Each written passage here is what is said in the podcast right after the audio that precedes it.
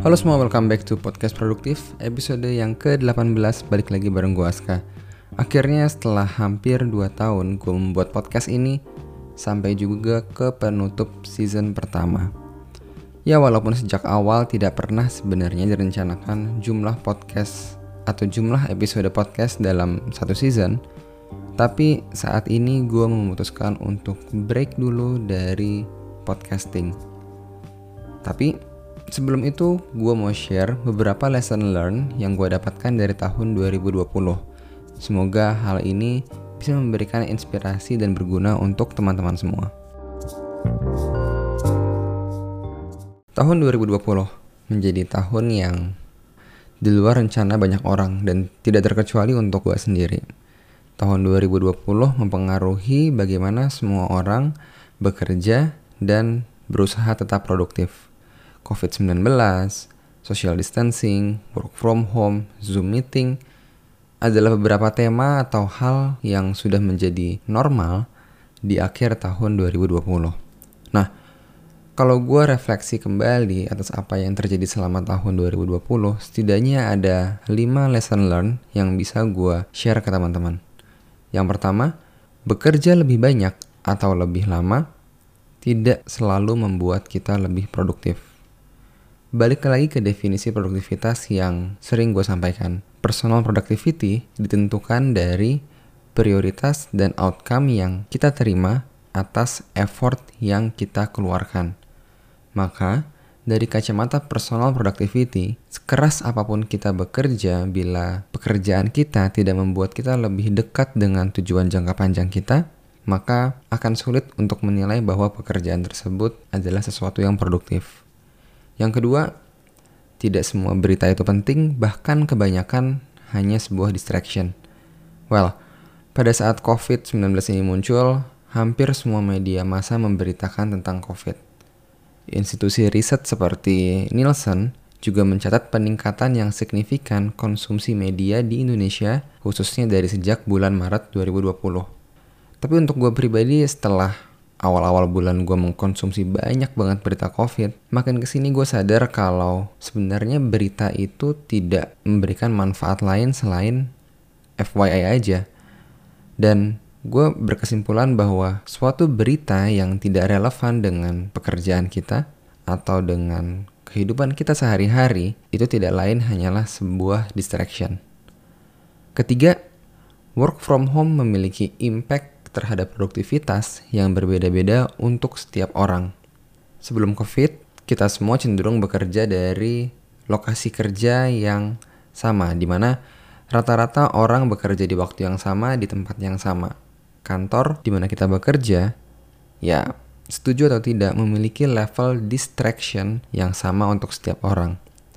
Sayangnya, saat kita work from home, dinamika yang dihadapi itu menjadi sangat bervariasi untuk beberapa orang, bekerja dari rumah justru membuat mereka lebih fokus karena mungkin distraksinya berkurang. Tapi untuk sebagian orang lain, justru dengan bekerja di rumah malah memberikan exposure yang lebih terhadap distraction. Keempat, uang yang dikeluarkan untuk menghemat waktu adalah sebuah investasi. Nah, gue pribadi selama gue bekerja dari rumah ya, uh, gue juga banyak membantu pekerjaan rumah tangga atau setidaknya melihat bagaimana pekerjaan itu dilakukan. Dan tentunya dengan dinamika yang ada di rumah, dari kacamata produktivitas menjadi lebih produktif itu bisa kita lakukan dengan mengotomatisasi pekerjaan rutin. Dengan kata lain, bila kita mengeluarkan uang untuk membeli suatu barang atau suatu jasa, di mana hal tersebut membuat kita punya waktu lebih untuk melakukan hal lain, maka buat gue itu adalah sebuah investasi. Kelima, minimalism itu ternyata menghemat uang dan juga waktu. Balik ke episode ke-12, di mana gue memutuskan untuk menjadi seorang minimalis, ternyata menjadi minimalis itu sangat-sangat mengurangi stress level gue. Kenapa? Karena lebih sedikit nih hal yang harus gue khawatirkan. Kemudian Menjadi seorang minimalis juga melatih gue untuk lebih aware hal-hal yang memang bersifat esensial. Belum lagi penghematan yang gue dapat.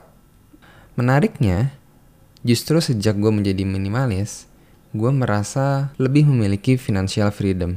Hal ini mungkin dikarenakan banyak biaya rutin yang berkurang dan kalau gue mau membeli sesuatu, itu gue cenderung berpikir dua kali dan memastikan bahwa sesuatu yang gue beli itu benar-benar bersifat esensial.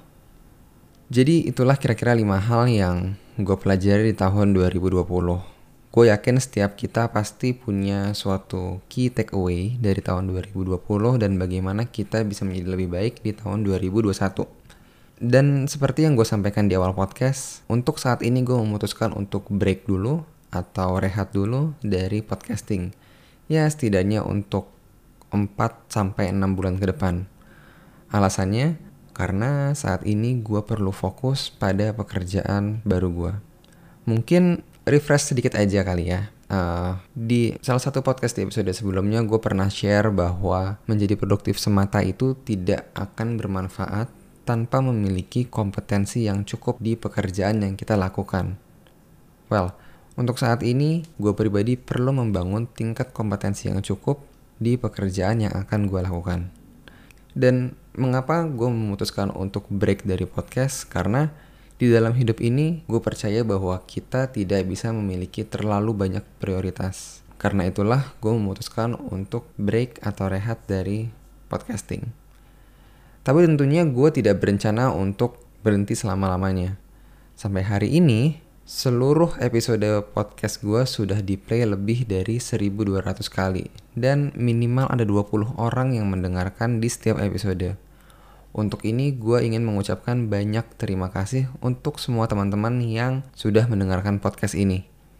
Terakhir, supaya podcast ini juga bisa lebih baik di season selanjutnya, gue juga ingin bisa diskusi secara personal dengan teman-teman yang mendengarkan podcast ini. Di mana kita bisa bertukar pikiran, ide, atau mungkin sekedar memberikan feedback untuk podcast episode selanjutnya.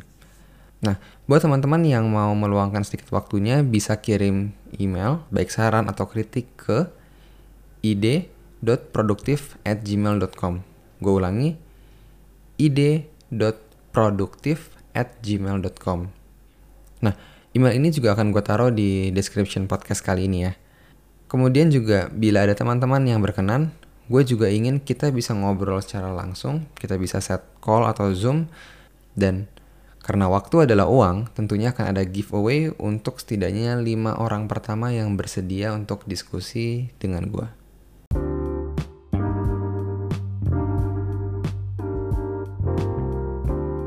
Sebelum gue closing podcast kali ini, gue akan merecap lagi 5 lesson learn yang gue dapatkan dari tahun 2020. Yang pertama, bekerja lebih banyak atau lebih lama tidak selalu membuat kita lebih produktif. Yang kedua, tidak semua berita itu penting, bahkan kebanyakan hanyalah distraction. Yang ketiga, work from home memiliki impact terhadap produktivitas yang berbeda-beda untuk setiap orang. Yang keempat, uang yang kita keluarkan untuk menghemat waktu adalah sebuah investasi. Dan yang kelima, menjadi seorang minimalis ternyata menghemat uang dan juga waktu. Semoga kelima poin tersebut bisa memberikan manfaat untuk teman-teman semua. Dan gue akan sangat menantikan feedback, kritik, saran apa pun itu terhadap podcast ini dari teman-teman. Jadi itu aja yang bisa gue share di podcast episode terakhir di season pertama ini. See you di podcast season selanjutnya.